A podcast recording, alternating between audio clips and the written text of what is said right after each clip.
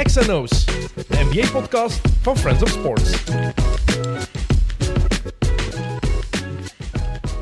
Dag iedereen, welkom bij XNO's of bij Sayet in bed, want ik zit er opnieuw met mijn broer Niels. Niet in Parijs deze keer, wel in San Sebastian, onze laatste avond op reis. En toch nog eh, even opnemen, want eh, de zesde match van de NBA Finals, die is er morgen nacht. En dan ben ik terug in België. Jim en Niels die gaan eh, samen verder op vakantie. Maar dus onze laatste opname voor dit seizoen. Ehm, Niels, ik begin meer en meer te beseffen hoe ongemakkelijk het geweest moet zijn voor Yoko Ono en John Lennon om zo lang in bed te liggen. Zeer ongemakkelijk. Echt? Ja. Wauw. Ja. Waarom? Een half uurtje is meer dan genoeg. Echt. Meer dan genoeg. We zijn hele goede Ja. vrienden, naast dat we broers zijn, maar een half Ja, uurtje is we kunnen het ook niet zien op, eh, op dit beeld, maar dus hierachter is er nog een stapelbedje waar dat Jim van onder ligt en ik van boven. Dus het dubbelbed is nu wel voor jou. Graag. Voor de ene keer. voor de ene keer, de vorige keer in Parijs wel samen in het bedje geslapen. Lekker gezellig. Eh, Oké, om te beginnen, ja, de traditie volhouden. Wat drinken we vandaag? We drinken vandaag een eh, plaatselijk biertje, Keler. eh, plaatselijk uit San Sebastian. San Sebastian, sorry. Ehm, op het blikje staan verschillende prijzen. gewonnen in Londen, Chicago, Brussels, Melbourne. En ook Gillingham. Brons, gold medal, silver medal. Allee, kijk. Kan niet Kijk, slecht zijn. Kelers. Ik heb het nog niet geproefd, dus... ehm, Ja, Lekker. Ja, een beetje plat, maar eh, goed. ja, we gaan, we gaan er niet over lieken. Eh, goed, we gaan het hebben over de finals. We hebben match 4 en 5 gezien. Match 4 bekijken, dat heeft, om het mooi te zeggen, wat voeten in de aarde gehad. Mooie uitspraak, was niet gemakkelijk. Ehm, vooral door de ongelooflijk slechte wifi-internetverbinding die we hadden in ehm, Biscarros. Biscarros, hè, en nabij Biscarros het plaatsje. Ehm, ja, uiteindelijk is het toch gelukt. In drie pogingen? Ik denk het wel. Ik denk dat we Mm, ja. twee of drie dagen hebben nodig gehad om die match te zien. En vooral heel straf erin geslaagd om de uitslag niet te weten. Ja, ik heb denk ik eh, sinds dat ik Instagram heb nog nooit zo, eh, zo weinig naar Instagram gekeken. En Dus, wat een eh, verademing om even niet op social media te zitten. Als we heel eerlijk ja, zijn. was fantastisch. was fantastisch. We hebben Ja. match 5 hebben we gisteren gezien toen we hier zijn aangekomen in San Sebastian. Spannende match, maar ja, ik ga er meteen mee beginnen. Ik was verkeerd. Mhm. Na game 3 voor de zoveelste keer ehm, verkeerd. Ik had gezegd de Soons... De, de Soons. De Phoenix Ik, heb het ik, heb het ik had het gevoel dat de Phoenix Suns nog altijd in cruise control waren. Wel, ehm, ja, het was twee keer heel spannend. Het was twee keer heel close. Maar ja, de Suns zijn niet meer in cruise control. De Bucks staan 3-2 voor. Ja, Drie Ja. matchen op rij gewonnen. En ik heb nog altijd het gevoel dat de Suns die match hadden kunnen winnen. Maar Milwaukee, damn. Ja, ja. en eh, ik denk dat ik de vorige aflevering had gezegd dat eh, de thuisploeg altijd wel ehm, ging winnen.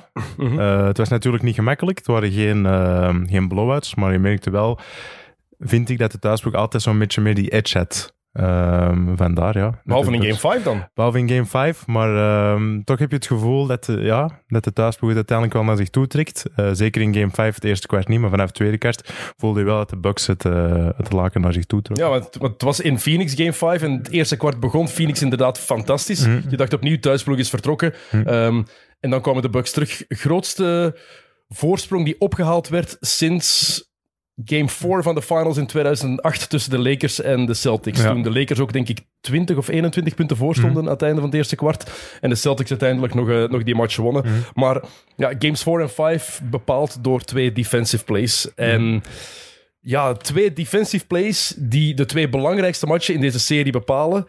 Blok van Janis in game 4, waanzinnig blok. En dan die steal van Drew Holiday in match 5. Ja, dit zegt misschien wel alles eigenlijk over de identiteit van de Bucks. Hè. Het is een defensive team. Daar, daar begint alles bij hen. Ja, ja, je hebt het juist al gezegd ook inderdaad. Hè. De Bucks vooral zeer goed defensief.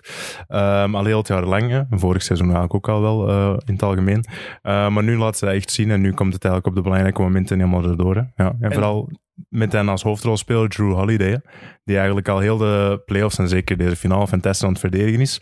Maar dan nu ook nog offensief aanvallend erdoor komt. Hè. Ja. Want we zeggen veel over die offense van Holiday. Van, ja, die is niet goed genoeg geweest met momenten. Was vanaf, game, vanaf tweede kwart in game 5 was die wel fantastisch. Maar die defense, als we dat terug bekijken, eigenlijk. Wat hij de hele playoffs al doet. En wat we eigenlijk ook het hele seizoen al zeggen. Daarom hebben ze hem ook binnengehaald. Het is zo'n upgrade over Eric Bledsoe. Maar jonge spelers perimeterspelers die beginnen basketten of die hun defense willen verbeteren, kijk naar Joe Holiday. En Ja. dan heb ik het niet alleen over die steal tegen, tegen Booker op het einde van game 5. Het is wat hij tegen Chris Paul doet, dan pakt hij Booker even over. Het is, Mhm. Want Booker in game 4, hoeveel punten had hij? 40, 42 punten? Eh, ik denk 40, ja. 40 of 42. Eh, even Ja. kijken hier, om zeker te zijn. 42 punten. Maar je kon dat niet op Holiday steken. Die Nee. was fantastisch defensief Nee, daartegen. heel leuk om naar te kijken ook. Hè, want je zegt altijd natuurlijk, hè, je moet snel op je voeten zijn. Maar wat je bij Drew Holiday vooral ziet, is dat hij altijd op zijn borst pakt de hele tijd. En dat is eh, zeer moeilijk om te doen. Hè. Dat is niet gemakkelijk. En leuk om te zien ook. Heeft hij snelle voeten, maar inderdaad Ja. pakt hij op de, op de borst. Maar je kon tegen die shotmaking van Booker in game 4 bijvoorbeeld niks doen. Nee, wat Holiday ook probeerde. Niemand, hè, zeker ehm, als je kijkt, eh, soms wordt er dan eh boekers tegen iemand gezet die dan eigenlijk fysiek sterker is, maar dan toch, hij pakt een paar van die hits en dan denk je het is gedaan, hij gaat niet meer binnengooien en toch maakt hem die, die goals nog altijd. Hè. Het is ongelooflijk aanvallend, boekers. Ehm ja, was weer top natuurlijk. Even die defensieve Ja. plays. Oké, game 4 eerst. Het blok van Giannis Antetokounmpo. Hij zei de persconferentie... Ik dacht dat Eten op voor mij ging Ja. dunken. Wat een waanzinnig blok. Ja, het was eh, een heel mooie play ook, want ik denk, ehm, hij zakt een beetje in eigenlijk, hè, om de kleinere speler op te vangen. En dan wordt hij alley gegeven en eigenlijk in zijn draai dat hij kijkt, gaat hij al voor het blok, hè, stoot hij af om dat blok te zetten. Dat is een ongelooflijk slimme play. Hè. En ook gewoon geen schrik hebben om effectief op een poster te komen te staan. Ja, dat is heel belangrijk. Hè. Ja. Want hij zegt het zelf, hè, voor hetzelfde geld wordt er over mij gedunkt en hij gaat gewoon voor dat blok. En, eh, Het moet ook, hè? ja, moet. Het is de NBA Finals Ja. en het was ook de cruciale match. Als ze die match verliezen, dan is het volgens mij voorbij. Dan, is, dan staat het 3-1 en dan winnen de Suns een match waarin Chris Paul bijvoorbeeld niet komt opdagen, Ja. waarin die Andre Ayton offensief niet aanwezig is. Ja. Ik denk dat Drake Crowder de belangrijkste tweede optie was offensief. Ja, moeten we misschien eventjes nog wel over inpikken. Dan natuurlijk inderdaad Chris Paul eh, tweemaal. We gaan ze beat over Chris Paul Ja, praten. ja, ja, Je- krijgt ze beat de floor om even op Nee, maar gewoon kort, kort. Gewoon. Samen. Ehm, die, de blok in game 4, dan de steal in game 5. Het- De steal is het, is het eindresultaat. Want het begint al, hij wordt eerst vastgezet door. Is het Middel- zijn het Middleton en, Eh, Antetokounmpo? en Tucker. Tucker en. Antetokounmpo die ja. hem vastzetten? Ja. Of, ja. Ja, ja, voilà, inderdaad. En dan uh, wil hij eigenlijk draaien, doet de reverse. En aan de andere kant komt eigenlijk onverwacht uh, Drew eraan. Hè. Had hij die bal nog bij Eten kunnen krijgen? Eten stond onder de basket. Ik weet dat die double teaming was daar. Ja, dus er was weinig ruimte. Had hij een Ja. wraparound kunnen doen? Ik denk het niet, Te maar... moeilijk, te moeilijk. Daarom dat hij ook de reverse terug doet natuurlijk. Hè, want hij gaat dan denk ik voor zijn eigen shot in die reverse, wat hij heel goed kan. Uh, maar dan is Holiday... Um, ja, is het super slim om dan gewoon echt voor die, voor die strip te gaan hè, met zijn twee handen. Prachtige stil.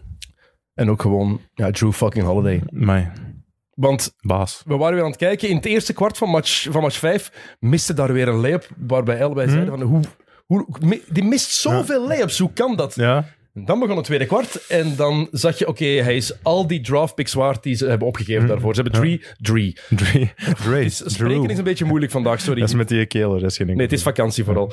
Ehm, ze hebben drie draftpicks opgegeven voor Drew Holiday. Die steal, wat hij doet in game 5, Hm. Dat is die drie draftpicks waard. Absoluut in defense, dat is ongeëvenaard. En, uh, maar vooral ook zijn offense, en dat zie je nu, dat, uh, dat is natuurlijk bij veel, uh, veel spelers maar vanaf dat hij een beetje confidence heeft, of eh, een paar, het gaat een beetje goed, dan is hij helemaal vertrokken. Hè. Ik denk, drie driepunters op rij, er is één play, ik weet niet exact uh, welk kwart dat het is, um, dat hij ook weer een steal heeft, ik denk van Chris Paul. Nee, op Booker. Of Booker? Steal ah, op okay, Booker, ja. Booker. Uh, en dat hij gewoon overdribbelt, stopt aan de driepuntlijn, Ja. is rondkijkt en, uh, en hem gewoon binnenknalt. Hè. En we dachten ja. eerst, we zeiden tegen elkaar van, oeh, geen goed shot. Ja. Maar als je vertrouwen hebt, je hebt er juist een paar geknald, dan is dat wel een goed shot. Hè? Dus, uh, En je hebt hem al, je hebt hem al benoemd ook daarnet. Um, Chris Middleton komt daarbij.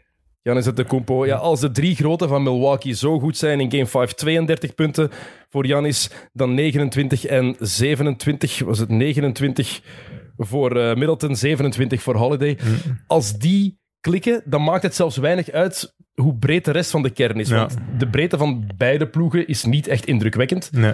Maar als die drie goed zijn bij Milwaukee, dan is er zo weinig tegen te doen. Dan zijn ze heel moeilijk om te kloppen. Hè? Absoluut. Ja. Middleton fantastisch weer. Hè? Alle tweede matchen. Hè? Ik denk 40 in. Uh, ik weet niet wat de tweede, uh, de game 5, hoeveel het hem redt. Uh, had er 27, vergis ik me nu? 29 in game 5 ja, 29, en ja. in game 4 waren er 40. Ja, ja. Voilà. In game 4 was die waanzinnig. welkom.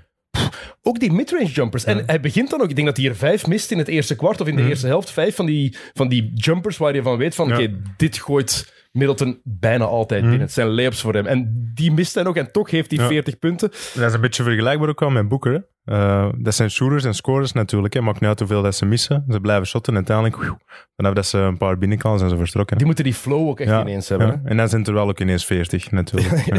En ook Ja. In een vingerknip, hè, blink of an eye, ineens Ja. zitten die aan 40 punten. Dat, is, dat is onwaarschijnlijk. Ehm, die drie punten in game 5 van Middleton op het einde van het einde tegen... Was het Tory Craig? Ja, tegen Tory Craig. Even een klein duwtje, die kleine chicken wing, die st- stepback Ja. naar buiten en... Ja. Oh, zo cruciaal. Hij doet dat heel goed, hè. ja, absoluut. En vooral ook die midrange shotjes dat je, eh, dat je er juist zei. Ehm, er is ook één play, ik denk dat al redelijk vroeg in de match was, van denk game 5, dat hij naar de basket gaat en dan gaat hij omhoog met rechts en dan binnen ligt met links. Ongelooflijk veelzijdig aanvallende speler ook. Hè, Want soms denk je, als je Middleton ziet spelen, van oké, zwart gat. ja. Die offense stopt. Die flow die er in die aanval is, Ja. gaat helemaal weg. Ik heb er af en toe op gevloekt en dacht van, kom, Geeft hem door. geef die bal Ja, door inderdaad. Maar Middleton mag dat eigenlijk. Ja, is, eh, als je zoveel skills hebt, maakt het eigenlijk niet zoveel uit dat je een zwart gat bent. Oké, natuurlijk, hè, soms in de flow van de aanval is dat niet de, de bedoeling, maar als je 8 van de 10 keer scoort, ja. Het is wel een mysterie. Ja. Chris Middleton. Eh, er is zo'n eh, zo'n meme die de ronde gaat, dat hij begint soms als, als Kyle Kuzma, Ja. dat iedereen me overrated noemt. Ineens wordt hij Michael Jordan op zijn beste momenten en is hij underrated. Ja. En dat is echt een vicieuze cirkel. Die blijft maar gaan. Ik begrijp dat niet. Ik begrijp het mysterie Chris Middleton niet helemaal. Mhm. Ja, dat is een beetje speel. Je kunt natuurlijk niet altijd piek. eh, er zijn maar, het is weinig gegeven om altijd op piekniveau te spelen. Maar als hij inderdaad zo'n goede match heeft, dan is het eh, Michael Jordan. Dat hebben we Dat is. Prime Ja, MJ. Dat is Dat is Prime MJ. onwaarschijnlijk. Wat Chris Paul niet gedaan heeft, we gaan zo meteen over Chris Paul praten. Wat Chris Paul niet gedaan heeft, dat doet Janis wel. Altijd aanwezig zijn. Ook als Janis niet goed is, Mhm. dan heeft hij een impact en domineert hij. Want net zoals in het begin van match 3 gebeurde, was het ook in match 4 weer. Hij was weer compleet kapot. En Ja. zelfs in match 5, hij heeft dan 32 punten. En toch had ik bij momenten het gevoel dat hij niet wilde deelnemen aan de offense. Hij stond daar echt gewoon buiten de driepuntlijn af en toe. Ja. En wilde niet betrokken worden in het spel. Of zo leek dat toch? ja, je ziet inderdaad dat hij moe is en dat hij nog wel heel veel last heeft van die injury, denk ik, sowieso. Ehm, maar ik denk, die play is dat hij niet per se iets, iets van niet willen deelnemen, maar dat hij gewoon slim genoeg is om, oké, ik laat even een andere spelen. Ik doe, als ik iets moet doen, en, en dan ga ik dat ook doen. Ehm, ja, hij is gewoon heel slim aan het spelen. Hij moet niet per se elke keer eh, zijn reverse knop naar de goal gaan. Hij, hij laat het gewoon een beetje bespelen. En als hij iets moet doen, aanvallend verdedigen, dan doet hij dat ook Want wat hij wel doet Ja. dan, ook al is hij afzijdig, hij gaat uiteindelijk altijd wel in de, nee, in de Ja. paint. Hij gaat altijd naar binnen en hij laat zich ook zien. Handen Ja, omhoog. voilà. Hij, hij biedt zich altijd aan. Want je hebt van die spelers die dan... James Harden heeft dat bij momenten. Die blijft achter de driepuntlijn staan en doet gewoon niet meer mee. Antetokounmpo die gaat altijd nog meedoen aan het spel. Ook al is hij afzijdig, op een gegeven moment met nog 10, 8 seconden op de Mhm. shotklok, dan gaat hij even in de paint, misschien terug naar buiten, Ja. maar hij maakt zich heel even beschikbaar. En ik denk dat dat een Ja. heel grote kwaliteit is. En 90% van de tijd ook altijd slimme beslissingen dat hij neemt. Hè? Slimme plays. Hè? Eh, daarom is hij een superster. Daarom is het een superster. Daarom is hij een Ehm, superstar. ik heb Bill Simmons daar ook over gehoord.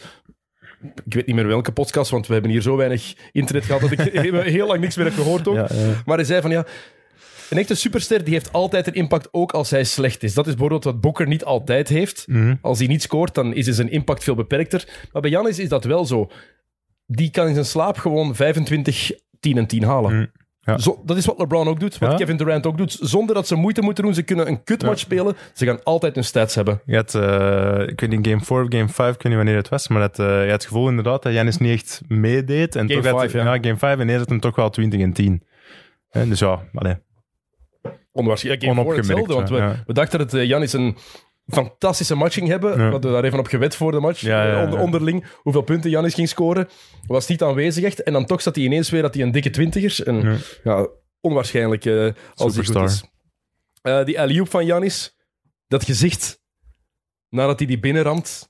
Oh, heerlijk. Sick. Ja. Droog, fantastisch. Ja. Ook hele goede memes al over. Hè? ja, als het je, gevoel dat je hebt als je alle groceries in één keer naar binnen brengt. Oh, heel goed. Eh, de vraag wordt gesteld aan Jan is ook waarom hij zo bescheiden blijft. Ik vind het een misschien onnozele vraag, want als je kijkt naar het verleden van Janis Antetokounmpo, waar die vandaan komt, Nee, weet je het dan snap ik waar het vandaan Ja. komt. Waarom hij zo is Ja, ja. en zo blijft. Maar ik vond dat hij wel een mooi antwoord gaf. Ook van ja, hij is al twee keer MVP geworden. Heeft al dingen bereikt. Van, ja, Mhm. praten over het verleden. Player of the Year. Ja? Ja. Praten over het verleden, dat is je ego dat praat. Ja. En ik vond het een hele mooie opmerking Dat eigenlijk. is een, eh, een prachtige instelling in het leven ook. Hè? Mooi. Ja. Ja. Niet gemakkelijk. Niet gemakkelijk. Zeker niet als je alles bereikt hebt. Zeker niet als je zo'n superster bent, inderdaad. Ja. Want Maar hij komt ook van niks. Hè. Hij komt van eh, horloges verkopen in de straten in, eh, ik weet niet waar, in Athene. ja, Ja, dat zal er ook mee te maken Uh, hebben. we kennen genoeg spelers, op welk niveau dan ook, die nog niet aan de enkels komen van Giannis Antetokounmpo en die maar altijd graag praten over ik vroeger dit, ik Ja. vroeger dat. Tuurlijk. Je hebt dat in elke sport. En dan is dit een gast die twee keer MVP is geweest, Defensive Ja. Player of the Year, nu domineert in de NBA Finals. En dan gewoon zegt van ja, kijk, nee. Hm. Ik heb, we hebben nog niks gedaan, we hebben nog niks bereikt. Ik praat niet over het verleden, dat is mijn Ja. ego. Ik leef in het, in het heden. En dat is niet gemakkelijk. Nee, nee. Maar dat geeft hem nog zoveel meer klassen. Hè? Ja. Nee, dat is, ja. Ik moet wel zeggen, ik ben meer fan geworden van Janis in deze playoffs en nog meer in deze finals dan ik eigenlijk was. Ja. Ja. Ik Ook van niet de mens. Ik was al meer. Ik was al een grote fan eigenlijk. Dus, eh, Maar je hoort ja. heel vaak de vergelijking of van mensen die zeiden van ja, maar Janis heeft de skills niet. Janis heeft de skills niet die een, in een, een speler van zijn, van zijn postuur Maar moet dat ben ik nooit, eh, heb ik nooit eh, juist gevonden als mensen dat zeiden. Ik denk dat ooit James Harden eens heeft gezegd van ja, als ik eh, even groot was, dan eh, kon ik hem altijd gewoon binnendunken. Maar zo makkelijk is dat niet altijd gewoon binnendunken in de NBA, denk ik. Hij heeft enorm veel skills. Hè. Anders ja. zou DJ Benga toch ook gedomineerd hebben? Ja, zeker. Als het puur, over het lichaam gaat, Ja. dan gaan alle mensen van 2 meter en 10, 2 meter 15 Ja. domineren in de NBA. Ja. Voilà. En- Dus hij heeft zeer veel skills. Ik vind dat een beetje BS. Ik snap de vergelijking wel die heel vaak gemaakt wordt met Shaq. Het is een hele andere speler. Ja, hij domineert op een andere is. manier, Ja. maar hij domineert wel Ja. fysiek ook. Ja. Hij is altijd aanwezig. Ah, Janis. v- op dit moment MVP van de finals? Zeker. Zeker. Oké. Ik heb ook eerder gezien online dat ze misschien denken van, eh, moeten we eens niet nadenken over Middleton als de Bucks zouden winnen. Nou, je kunt erover nadenken, maar... Buck is, ehm, Bucks is al. Ja. Middleton is al één match niet komen opdagen voor de Bucks. ja. En dat is dan Allee, belangrijk. ook ongelooflijk belangrijk, Ja, hè? maar tuurlijk. niet de, fin- niet de finals MVP die Janis nu is, in mijn ogen. Stephen Curry heeft ook nooit finals MVP-trofee gewonnen. Ja. Omdat hij gewoon, denk je, 2018 één match niet zo goed was. Anders had hij altijd finals MVP moeten worden. zeker. Dus Het jaar van Iguodala, ja, dat blijft ook onnozel. hè. ja, raar. Vreemd. Dat had altijd LeBron James moeten zijn, ook al heeft hij de finals verloren trouwens. Ja. Altijd LeBron moeten ja, zijn. maar dat zijn ook, ja, wordt dat nog gedaan? Nee, maar het had wel moeten Ja. zijn. Ja, Het is niet omdat het nooit gedaan wordt, dat het niet zwaar. zo moet zijn. Akkoord. Wie was de, die free finals? LeBron speelde toen met Dellavedova en J.R. Smith en Mozgov als zijn beste ploegmaats. En Tristan Thompson. Wat is er gebeurd met Mozgov? Waar zit Goeie die? vraag. Ja. Echt, ik heb die gezien toen, het was zes jaar geleden, waar wij gaan kijken naar Chicago-Cleveland. Ja. En die liep voorbij, voorbij mij en Manu, een vriend van mij die er toen bij was. What the hell, man. Dat is een van de meest indrukwekkende... Ah, wel, voilà. Als Janis geen, skill, als. Janis geen skills heeft, waarom had Mozgov niet 30 Die is wel punten per match? Maar die is wel groter nog. Ik denk dat die 2,22 is Ja, of zo. dat is- ja, dat dat is is dat. 2,20. Dat is belachelijk, die gast. Ja. Zelfs daarnaast denk je dat Thomas van de Spiegel niet zo groot lijkt. ja, dat weet je genoeg. Dan weet je echt genoeg. Oké. Chris Paul? Kijk, eh, Maar duidelijk even- maken misschien ja. aan de mensen. Het is niet heel... Ik moet objectief blijven. Ik probeer het ook altijd. Niels moet dat niet. nee. Niels is geen grote fan van Chris Paul. Maar dat heb ik vorige keer ook al gezegd, want we hebben het er even over gehad. Over zijn spel. Allee, ik vind dat een fantastische basket en ik zie die eigenlijk ook wel graag spelen. Behalve Maar die dat is gewoon zo'n... eh, soms. Een, mm, wat is ja, het? Mm. dat is pest. Gewoon, allee, die zijn reacties, die hoe dat hij doet en dat floppen en dit en dat. Maar dat neemt niks weg van hoe fantastisch een basketspeler dat is. het is ongelooflijk. Maar ehm, dat terzijde heeft hem nu al twee matchen gehad. Dat hem eigenlijk hè, de speler van zijn kaliber dan juist eh, nog meer moet laten zien dat hem eigenlijk al doet. En hij doet hem dan juist niet in twee, belangrijk, de twee belangrijkste matchen van de playoffs. Nee, nee, nee, nee. De twee belangrijkste matchen uit zijn carrière. Voilà. Niet uit de playoffs. Ja. Dit zijn effectief de twee belangrijkste matchen uit zijn carrière. Ja. Wedstrijd 4, Chris Paul. 37 minuten gespeeld, 5 op 13 shots. 4 rebounds, 7 assists, 10 punten, 5 balverliezen. Dat voor. Chris Paul is 5 balverliezen, dat is eigenlijk het equivalent van 15 balverliezen voor iemand anders. Die heeft eigenlijk nooit balverlies. Daarom. Ja. Dan match 5, Chris Paul, 35 minuten gespeeld, 9 op 15, had 21 punten en 11 assists en maar één balverlies. En toch hadden wij allebei het gevoel dat hij een kutmatch gespeeld had. Ja, niet echt aanwezig. Allee, maar, of ja, nee. Niet Eh, zoals je, dat je eigenlijk van hem gewoon bent. Hè? Eh, Omdat hij gewoon ook... Ik denk dat hij bijna de hele tweede helft Devin Booker alles liet organiseren. Ja. Behalve de laatste vier minuten van het vierde kwart heeft hij af en toe geprobeerd, maar je zag Ja. hem gewoon de bal aan Booker geven, doe maar. Hm. En in match 4 gaf hij die bal aan Campaign om alles te laten Ja. organiseren. Moeten we ook nog misschien even op terugkomen. Vorige keer heel veel lof gegeven aan campaign. Over het verhaal. Ja, en ook over van eh, laat het team altijd goed draaien. Mm. Maar ik zie die nog altijd ja, ook wel, staan. maar iets minder dan dat we zeiden. Zijn stats waren gewoon Ja. niet zo goed als dat we lieten uitschijnen, maar ik ben nog altijd... Ja, tuurlijk, tuurlijk. Maar iets minder misschien. Klein beetje temp. Nee, maar ik, er, er wordt gezegd dat er iets mis is met Chris Paul fysiek. Dat hij last heeft van die, eh, van die pols waar hij ja. is. Maar Ja, ik vind dat oké, geen maar- excuus voor zo te spelen. Maar Janis is er ook van alles mis fysiek. Hè? Zie wat hij nog doet. Ja. Allee, die zijn knie is langs de andere kant gebogen. Ja. Hallo. En ook, waarom kan Chris Paul dan ineens niet meer dribbelen? Ja, Waarom kan die ineens niet meer deelnemen aan het spel? Want de 21 en 11 in het vijfde kwart, ik vind die stats echt niet representatief. Nee. Totaal niet. nee, ik ook niet.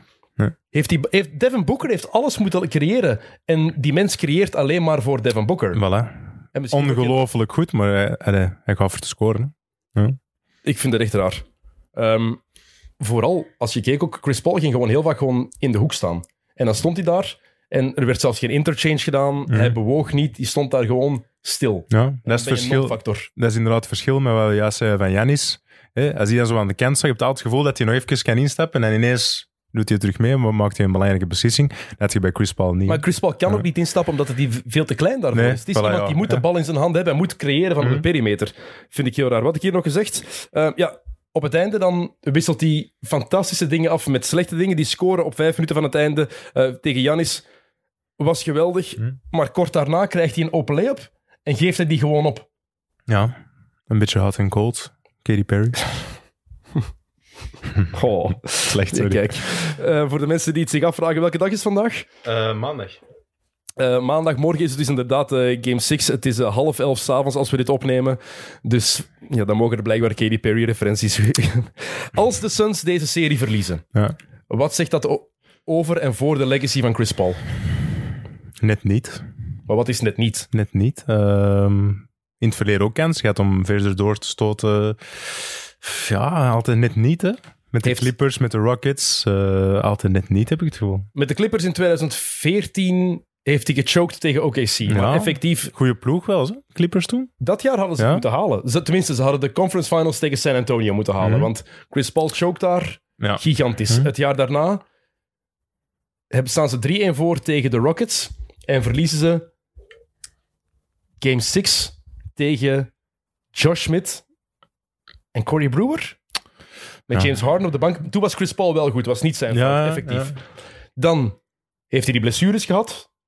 Onder andere ook in 2015, eerste ronde tegen San Antonio, scoort hij game winner Hm. geblesseerd tegen de Warriors 2018. Raakt hij ook geblesseerd in zijn hamstring. Maar dit, Dat is een beetje...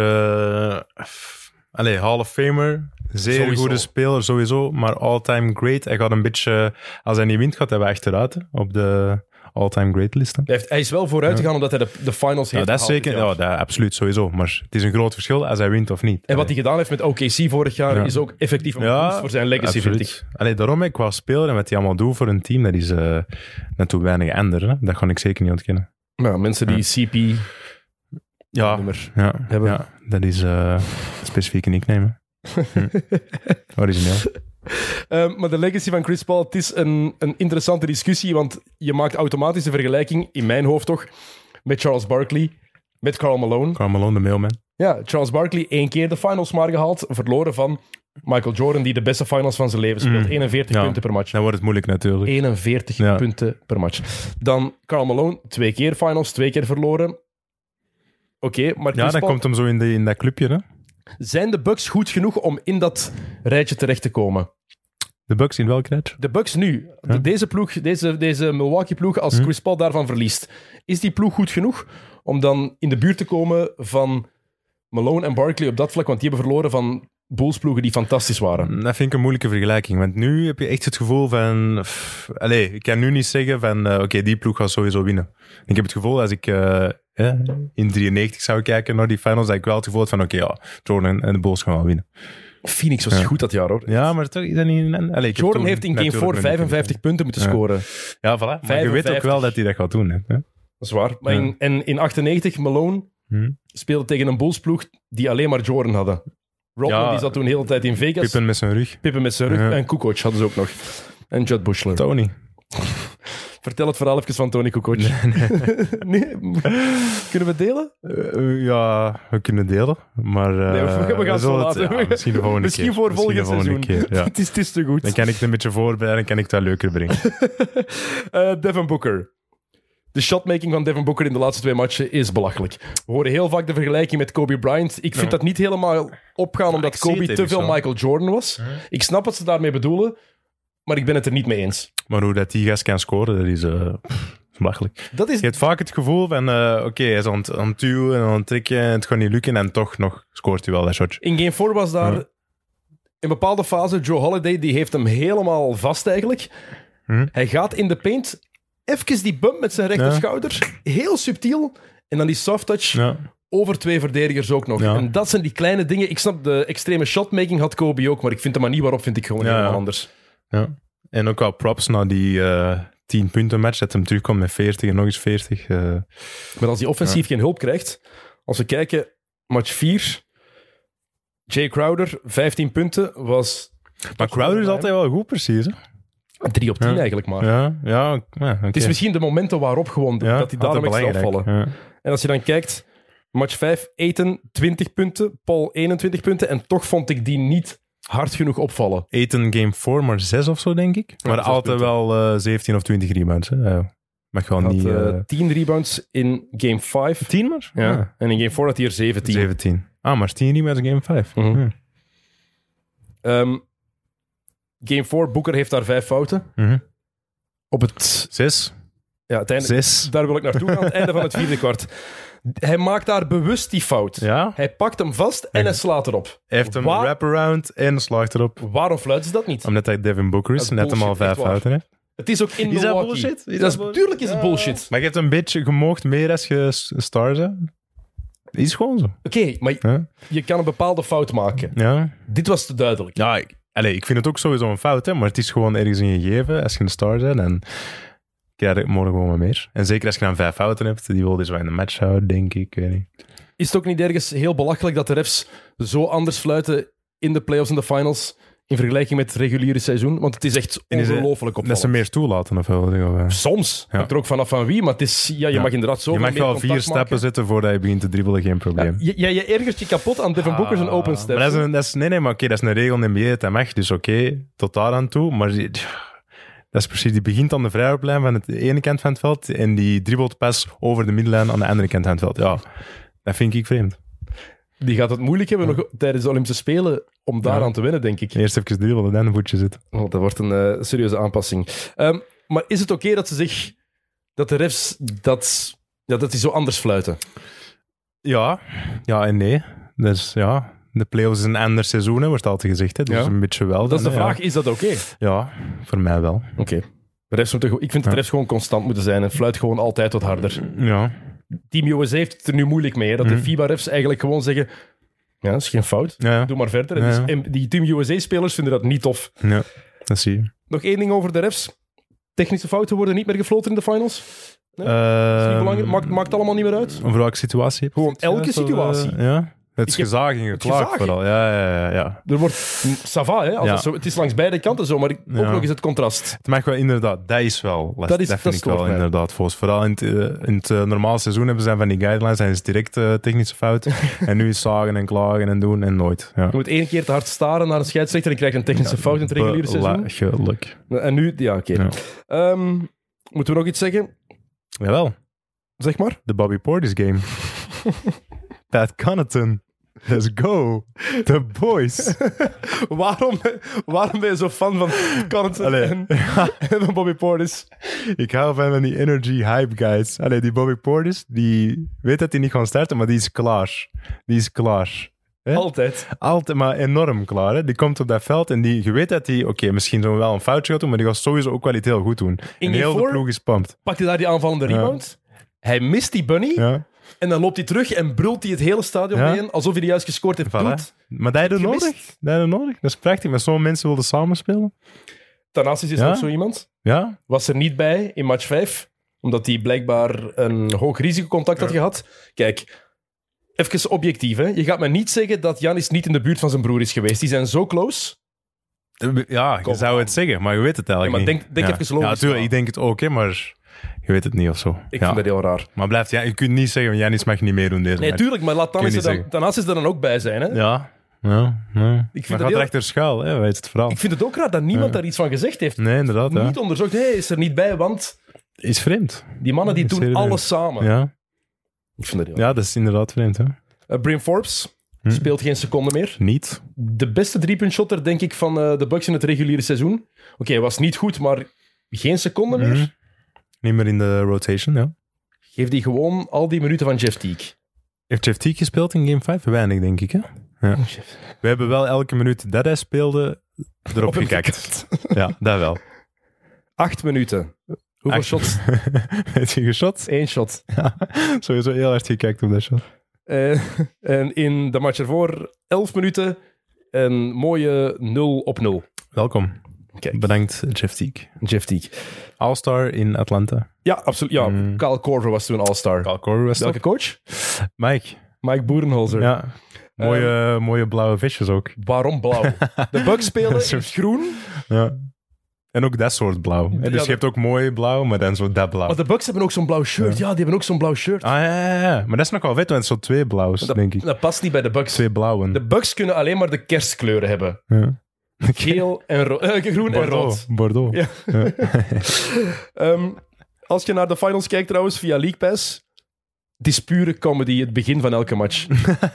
Die Ja. intro met Jeff Van Gundy Ja. en Mark Jackson, als die in de camera kijken, dat is hilarisch. Dan heb je een bepaald gevoel van eh, awkwardness dat je niet vaak hebt. Oh, Ja. ik, heerlijk.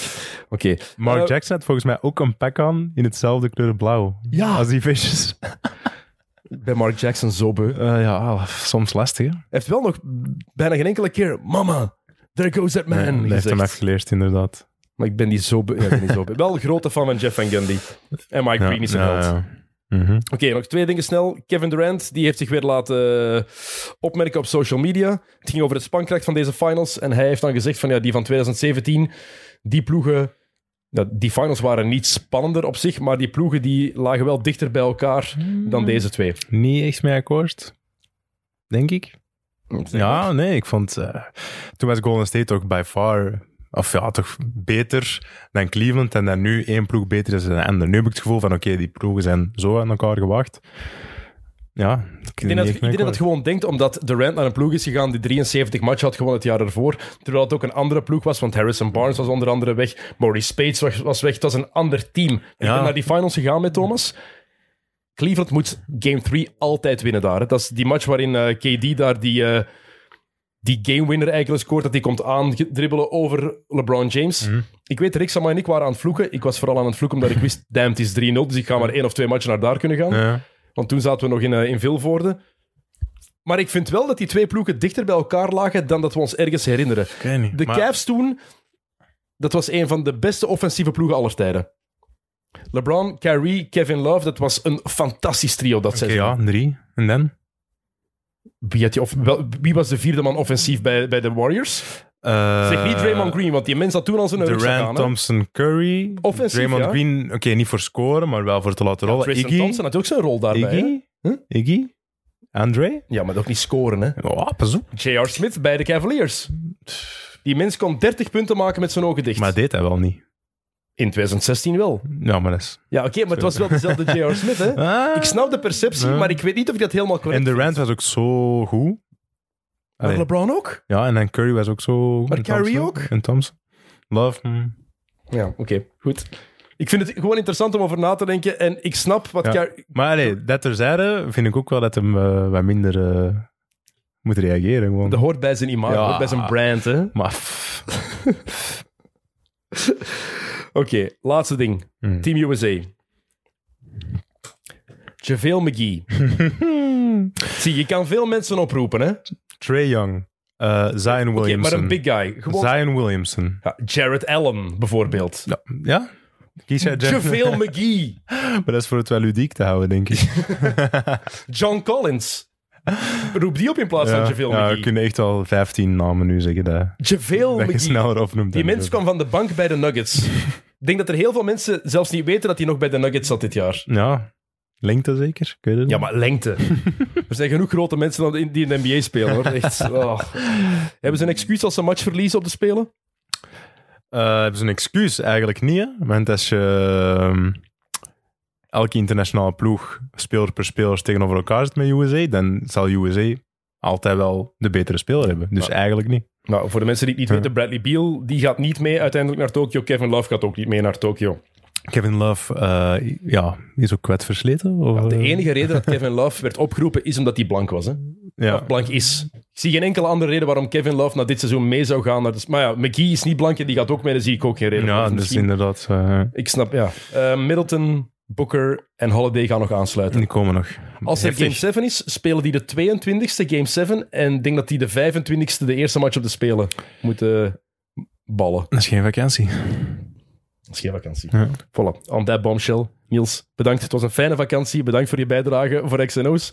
Volgend jaar komt dit af in de echte studio van Friends of Sports. Dan is het wel met stelletjes. Heel graag. Lekker. Kijk goed.